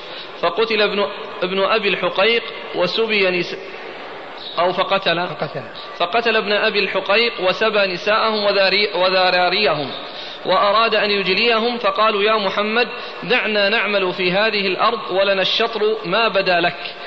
ما بدا لك ولكم الشطر. وكان رسول الله صلى الله عليه وآله وسلم يعطي كل امرأة من نسائه ثمانين وسقا من تمر وعشرين وسقا من شعير. ثم ورد أبو داود هذا ترجم باب خبر خيبر ما جاء في حكم أرض خيبر ما جاء في أرض خيبر يعني كيف كانت وكيف يعني آلت إلى المسلمين وأن الرسول صلى الله عليه وسلم يعني أخذها وأن اليهود آه، أرادوا أن يبقوا وأن يحرثوها ويعملوا فيها على النصف في مقابل عملهم والباقي يدفع للنبي صلى الله عليه وسلم وأصحابه. إيش قال في الحديث؟ قال في أوله أن النبي صلى الله عليه وآله وسلم قاتل أهل خيبر فغلب على النخل والأرض. نعم. أن النبي صلى الله عليه وآله وسلم قاتل أهل خيبر فغلب على النخل والأرض وألجأهم إلى قصرهم. يعني غلب على النخل والأرض وألجأهم إلى قصرهم يعني أنهم تحصنوا القصور والنخل والأرض غلب عليها رسول الله صلى الله عليه وسلم. نعم. فصالحوه على أن لرسول الله صلى الله عليه وآله وسلم الصفراء والبيضاء والحلقة. فصالحوه على أن يكون له الصفراء الذي هو الذهب والبيضاء الفضة والحلقة اللي هو السلاح. ولهم ما حملت ركابهم. ولهم ما حملت ركابهم مثل ما حصل لبني النضير لما يعني يعني حملوا ما تحمله الإبل. نعم. على أن لا يكتموا ولا يغيبوا شيئا. نعم. على أن لا يكتموا ولا يغيبوا شيئا يعني من ال من من من, من, من هذه الأشياء التي هي الصفراء والبيضاء والحلقة. فإن فعلوا فلا ذمة لهم ولا عهد. نعم. فغيبوا مسكن لحيي بن أخطب. غيبوا مسكن مسكن هو جلد يعني فيه حلي. لحيي بن أخطب الذي قتل قبل خيبر وكان من بني النضير الذين جلوا من المدينة. مسكن لحيي بن أخطب وقد كان قتل قبل خيبر وكان احتمله معه يوم بني النضير حين أجليت النضير. فيه حليهم. قال فقال النبي صلى الله عليه وآله وسلم لسعيه أين مسكن؟ هذا سعيه هذا رجل قيل إنه عم حيي. عم حيي عم حيي. أين مسك حيي بن أخطب؟ قال أذهبته الحروب والنفقات. يعني معناه أنه نفد. أذهبت الحروب والنفقات. وبعد ذلك وجدوه وصاروا كاذبين. فوجدوا المسك فقتل ابن أبي الحقيق. وسبى نساءهم وذراريهم. وأراد أن يجليهم. فقالوا يا محمد دعنا نعمل في هذه الأرض ولنا الشطر ما بدا لك ولكم الشطر. يعني دعنا نعمل في هذه الأرض ولنا الشطر ما بدا لك المدة التي تريد. وكان رسول الله صلى الله عليه وآله وسلم يعطي كل امرأة من نسائه ثمانين وسقا من تمر وعشرين وسقا من شعير. يعني أنه كان ينفق على نسائه يعني قوت السنة يعني من هذه من هذه الغلة ومن هذه الثمرة. التي هي من آه، نقل خيبر وزرع أرض خيبر. وهذا فيه إثبات المزارعة إثبات المساقات والمزارعة لأنهم يعني يعملون في الزرع وفي في حرث الأرض وفي سقي النخل لأن المزارعة تتعلق بالأرض وزرعها والمساقات تكون بسقي الأصول. التي هي النخل الموجود. وهذا يدل على أن المساقات والمزارعة أنها ثابتة لأن النبي صلى الله عليه وسلم عامل اليهود يعني هذه المعاملة. وهي شبيهة بالمضاربة. المضاربة مجمع عليها وهذه مختلف فيها. ولكن الصحيح أن حكمهما واحد حكمها واحد. المضاربة هي في تتعلق بالنقود والعمل بالنقود بحيث يكون النقود من شخص والعمل من شخص والمساقات والمزارعة هي من هذا القبيل. الأرض من شخص والعمل من شخص. ولكنه كما هو معلوم يكون بالنسبة لا يكون بمقدار معين يأخذه أحد الطرفين والباقي للآخر لأن هذا فيه غرر وفيه جهالة. ولكن إذا كان بالنسبة بأن يكون نصف أو نصف ثلث ثلثين أو ربع وثلاث أرباع يعني شيء نسبي فإنهم يشتركون في القليل والكثير. يشتركون في القليل والكثير. لو حصل شيء قليل جدا اشتركوا فيه بهذه النسبة ولو حصل شيء كثير اشتركوا فيه بهذه النسبة. وعلى هذا فالصحيح هو ثبوت المساقات والمزارعة كما جاء في قصة خيبر وقد خالف في ذلك بعض أهل العلم وهذا الحديث واضح الدلالة على ثبوت المساقات والمزارعة. قال حدثنا هارون بن زيد بن أبي الزرقاء. هارون بن زيد صدوق أخرجه أبو داود والنسائي. عن أبيه عن أبيه ثقة أخرجه أبو داود والنسائي. عن حماد بن سلمة. حماد بن سلمة ثقة أخرجه البخاري تعليقا ومسلم وأصحاب السنن. عن عبيد الله بن عمر. عن عبيد الله بن عمر وهو ثقة أخرجه أصحاب الكتب الستة. عن نافع. عن نافع مولى بن عمر عن ابن عمر وقد مر ذكرهما. يكفي. والله تعالى أعلم وصلى الله وسلم وبارك. على عبده ورسوله نبينا محمد وعلى آله وأصحابه أجمعين. جزاكم الله خيرا وبارك الله فيكم ونفعنا الله ما قلتم. ذكرتم البارحة أحسن الله إليكم أن المجدد قد يكون أكثر من واحد. نعم. وأخونا يقول من هم في نظركم مجدد هذه هذا القرن؟ الشيخ عبد بن باز لا شك أنه منهم. الشيخ ابن باز رحمة الله عليه لا شك أنه منهم. والشيخ الألباني كذلك. والشيخ ابن عثيمين كذلك كلهم يصدق عليهم. يعني هذه الأوصاف.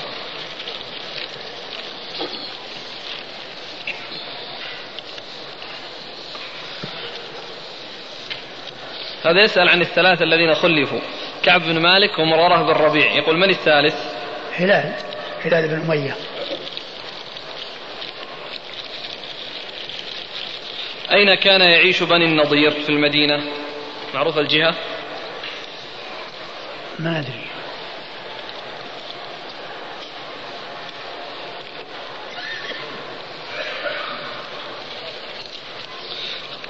حادثة قتل كعب بن الأشرف وحديث من ظفرتم به من رجال يهود فاقتلوه. هل فيه دليل على جواز الاغتيالات للكفار؟ آه، من ظفرتم هذا كما عرفنا غير ثابت الذي هو الذي مر بنا اليوم. وأما حديث قصة قتل كعب بن أشرف فإنه كان يؤذي النبي صلى الله عليه وسلم ويعني قتله كان بإذنه عليه الصلاة والسلام ويعني ذلك لا يدل على يعني الاغتيالات وكون من أراد أن يغتال يغتال وإنما هذا بأمر الإمام وبسبب الإيذاء الذي حصل من ذلك الخبيث لرسول الله صلى الله عليه وسلم.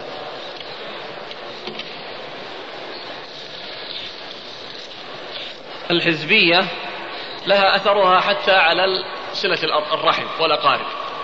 وهذا يقول هذا رجل يسأل يقول لأن أن له أبناء عم إخوانيين متعصبين أرشدهم وبين لهم الحق مرات عديدة وأصروا على ما هم فيه وتسببوا له بمشاكل كثيرة مع والده حيث كادوا له وكاد والده أن يخرجه من البيت ويمنعه من الذهاب إلى المسجد.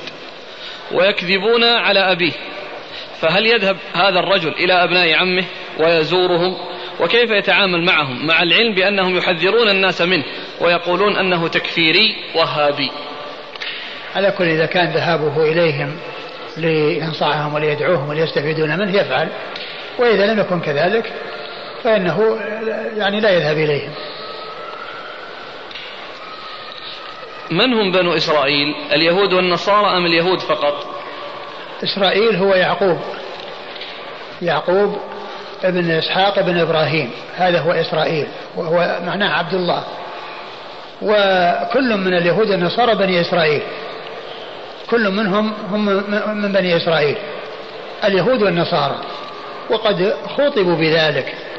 يعني باليهود والنصارى كما قال عيسى في سورة آه، الصف. قال عيسى بن مريم يا بني إسرائيل إني رسول الله إليكم. فكلهم من بني إسرائيل اليهود والنصارى.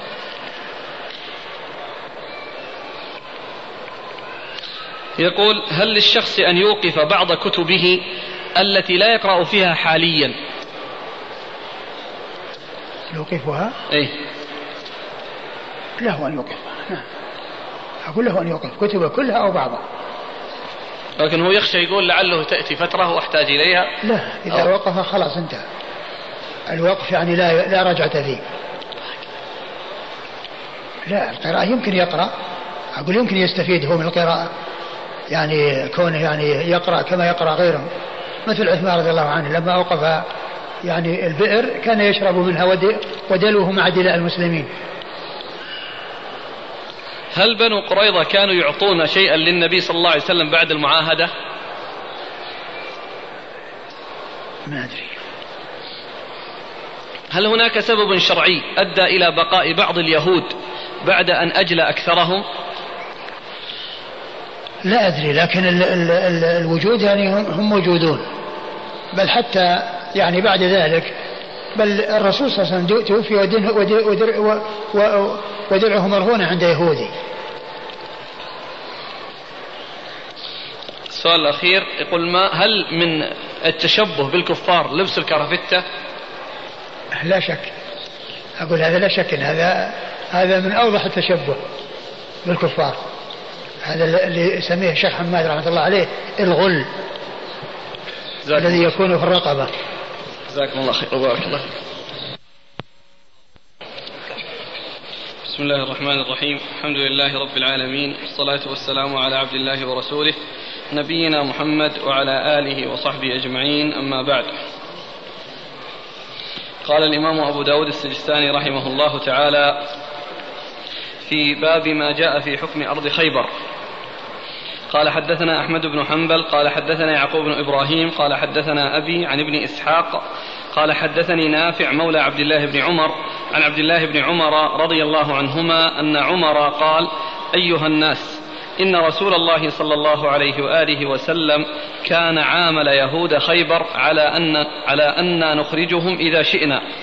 فمن كان له مال فليلحق به فإني مخرج يهود فأخرجهم. بسم الله الرحمن الرحيم. الحمد لله رب العالمين وصلى الله وسلم وبارك على عبده ورسوله نبينا محمد وعلى آله وأصحابه أجمعين. أما بعد فيقول لنا أبو داود السجستاني رحمه الله تعالى في ترجمة باب من جاء في حكم أرض خيبر وقد مر حديث في الدرس الماضي تحت هذه الترجمة وهذا هو الحديث الثاني عن عبد الله بن عمر رضي الله تعالى عنهما أن عمر رضي الله عنه قال يا أيها الناس إن النبي صلى الله عليه وسلم آه، أمرنا أن نبقي اليهود ما شئنا وإني وإني قد إيش؟ قد أردت أن أجليهم. إن رسول الله صلى الله عليه وآله وسلم كان عامل يهود خيبر على أن نخرجهم إذا شئنا. نخرجهم إذا شئنا. كان رسول الله صلى الله عليه وسلم عامل يهود خيبر على أن نخرجهم ما شئنا. يعني أن المعاملة آه، بيننا وبينهم على أنهم يعملون ولكن إذا شئنا إخراجهم فنحن نخرجهم. وعمر رضي الله عنه وأرضاه في هذا بين أنه سيخرجهم. وطلب من كل أحد له مال أن يلحق به حتى يأخذه منهم وحتى يقوم بالعمل فيه بعد جلائهم منه وبعد ذهابهم عنه. والمقصود ذلك أي من كان له أرض فإنه يلحق به يلحق يعني بهذه الأرض وبهذا المال الذي هو له بحيث يقوم به ويتسلمه منهم ويقوم بشؤونه لأنهم سيذهبون. فهذا من عمر رضي الله عنه آه، أولا بيان للمستند عليه في إخراجهم وأن النبي صلى الله عليه وسلم أقرهم ما شئنا وعمر رضي الله عنه قد عزم على إجلائهم ولكنه طلب من الناس أنهم آه، يتسلمون أموالهم منهم أي من كان له قطعة من الأرض أو كان له آه، يعني بستان وهم يعملون به فإن فإنه يلحق به ويأخذه منهم. نعم. قال حدثنا أحمد بن حنبل. أحمد بن محمد بن حنبل الشيباني الإمام الفقيه المحدث أحد أصحاب المذاهب الأربعة المشهورة من مذاهب السنة وحديث أخرج أصحاب الكتب الستة. عن يعقوب بن إبراهيم. يعقوب بن إبراهيم بن سعد وهو ثقة أخرجه أصحاب الكتب الستة. عن أبيه عن أبيه وهو ثقة أخرجه أصحاب الكتب الستة. عن ابن إسحاق. عن إسحاق وهو صديق أخرجه البخاري تعليقا ومسلم وأصحاب السنن عن نافع. عن نافع مولى بن عمر وهو ثقة أخرجه أصحاب الكتب الستة. عن ابن عمر. عن ابن عمر عبد الله بن عمر بن الخطاب رضي الله تعالى عنهما الصحابي الجليل أحد العبادلة الأربعة من الصحابة وأحد السبعة المعروفين بكثرة الحديث عن النبي صلى الله عليه وسلم. عن عمر. عن عمر بن الخطاب رضي الله عنه وأرضاه أمير المؤمنين وثاني الخلفاء الراشدين الهادي المهديين صاحب المناقب الجمة والفضائل الكثيرة رضي الله عنه وأرضاه. قال حدثنا سليمان بن داود المهري قال أخبرنا ابن وهب قال أخبرني أسامة بن زيد الليثي عن نافع عن عبد الله بن عمر رضي الله عنهما أنه قال لما افتتحت خيبر سألت يهود رسول الله صلى الله عليه وآله وسلم أن يقرهم على أن يعملوا على النصف مما خرج منها. فقال رسول الله صلى الله عليه وآله وسلم أقركم فيها على ذلك ما شئنا. ثم ورد أبو داود حديث ابن عمر. نعم. فكانوا على ذلك وكان التمر يقسم على السهمان من نصف خيبر ويأخذ رسول الله صلى الله عليه وآله وسلم الخمس. وكان رسول الله صلى الله عليه وآله وسلم أطعم كل امرأة من أزواجه من الخمس مئة وسق تمرا وعشرين وسقا شعيرا. فلما أراد عمر إخراج اليهود أرسل إلى أزواج النبي صلى الله عليه وآله وسلم فقال لهن من أحب منكن أن أقسم لها نخلا بخرصها مئة وسق فيكون لها أصلها وأرضها وماؤها ومن الزرع مزرعة مزرعة خرص عشرين وسقا فعلنا ومن أحب أن نعزل الذي لها في الخمس كما هو فعلنا.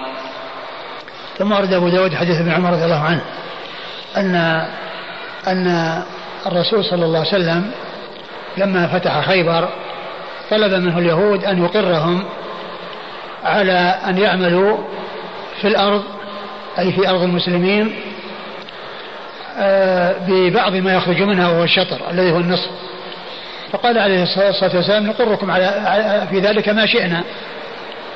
نقركم في ذلك أو على ذلك ما شئنا. يعني على أن تحرثوا وأن تقوموا بسقي الأشجار وزرع الأرض على أن لكم الشطر ولنا الشطر وذلك المدة التي نشاء. فإذا أردنا إخراجكم فإننا نخرجكم. وقد أخرجهم عمر رضي الله عنه في زمن خلافته كما مر في الحديث السابق. وهذا هو المعول عليه في فعل عمر لأنه قال أن أن الرسول يعني عاملهم على أن أن يعني أنهم يبقون يعني آه، في ذلك يعني ما شئنا وإني عزمت على إجلائهم فمن كان له آه، مال فليلحق به هذا هو المستند عليه عند أو الذي استند عليه عمر بن الخطاب رضي الله تعالى عنه وأرضاه إيش قال بعد هذا؟ لما افتتحت خيبر سألت يهود رسول الله صلى الله عليه وآله وسلم أن يقرهم على أن يعملوا على النصف مما خرج منها. فقال رسول الله صلى الله عليه وآله وسلم أقركم فيها على ذلك ما شئنا. فكانوا على ذلك. وكان التمر يقسم على السهمان من نصف خيبر ويأخذ رسول الله صلى الله عليه وآله وسلم الخمس. وكان التمر يقسم على السهمان. يعني كل يعني يعني يصير له سهمه ونصيبه. والنبي صلى الله عليه وسلم يعني له الخمس أي خمس الخمس لأنها غنيمة لأنها أخذت غنيمة فيكون له خمس الخمس أي للنبي صلى الله عليه وسلم. نعم. كيف النصف؟ ليس لهم أربعة الأخماس؟ كيف؟ كم لهم السهمان يقسم؟ وكان التمر يقسم على السهمان من نصف خيبر. يعني النصف الذي هو نصيب المسلمين. لأنه على النصف ما يخرج منها نصف لليهود عن عملهم ونصف المسلمين الذي هو مقابل الذي هو مقابل تسليمهم الأرض والنخل. لأن هذا كما عرفنا في الدرس الماضي المساقات والمزارعة وأن هذا هو الأصل فيها وأنها ثابتة عن النبي صلى الله عليه وسلم. فكان النصف الذي يخص المسلمين من آه، يعني ثمرة الأرض زرعا ونخلا وتمرا آه، يكون للمسلمين يقسم والباقي لليهود الذي هو النصف الثاني. يأخذون منه سنويا. نعم يقسم لهم سنويا. إي نعم كل سنة الذي الذي يخرج من الزرع ومن التمر لليهود نصفه مقابل عملهم وللمسلمين نصفه لأنه آه، يعني نتيجة أرضهم أو ثمرة أرضهم زرعا وتمرا. وكان رسول الله صلى الله عليه وآله وسلم أطعم كل امرأة من أزواجه من الخمس مئة وسق تمرا وعشرين وسقا شعيرا. وهذا سبق أن مر أنه ثمانين وسق وعشرين يعني آه شعير. وعشرين شعيرا وهنا قال مئة وسق. يعني هذا يختلف مع ذاك. ولعل المسألة فيها تقريب وأنها تقريبية وأن بعضهم قال هذا وبعضهم قال هذا. فلما أراد عمر رضي الله عنه إخراج اليهود أرسل إلى أزواج النبي صلى الله عليه وآله وسلم فقال لهن من أحب منكن أن أقسم لها نخلا بخرصها مئة وسق فيكون لها أصلها وأرضها وماؤها ومن الزرع مزرعة خرص عشرين وسقا فعلنا. ثم أن عمر رضي الله عنه لما أراد إجلاء اليهود شاور أصحاب رسول أزواج رسول الله صلى الله عليه وسلم فيما يعطى لهن يعني من النفقة نفقة السنة لأنهن يعطين نفقة سنة كما كان النبي صلى الله عليه وسلم يفعل ذلك. وكان يعني ثمانين وسقا أو مئة وسق من التمر وعشرين صاعا من الشعير. فخيرهن بين أن يبقين على ما كنا عليه بحيث يعني يعطين من الثمرة ويقتطع لهن من الثمرة هذا المقدار أو أنه يجعل لهن يعني يعني عدد من النخل يعني آه، يكون تخرص أو مقدارها يعني يكون ب 100 وسق وأرض يعني يكون فيها يعني مقدار 20 شعير آه، وسق يعني شعير. آه، خيرهن بين هذا وهذا يعني بين أن يبقين على ما كنا عليه أو أنه يقسم لهن فيكون لهن الأصل والماء والأرض ويعني ما ينتج من الثمرة لهن. نعم. قال حدثنا سليمان بن داود المهري سليمان بن داود المهري المصري ثقة أخرجه أبو داود والنسائي عن ابن وهب عن ابن وهب عبد الله بن وهب المصري ثقة فقيه أخرجه أصحاب كتب الستة. عن أسامة بن زيد الليثي. عن أسامة بن زيد الليثي وهو صدوق يهم. صدوق يهم أخرج له. البخاري تعليقا ومسلم وأصحاب السنن. البخاري تعليقا ومسلم وأصحاب السنن. عن نافع عن عبد الله بن عمر. عن نافع عن عبد الله بن عمر وقد مر ذكرهما.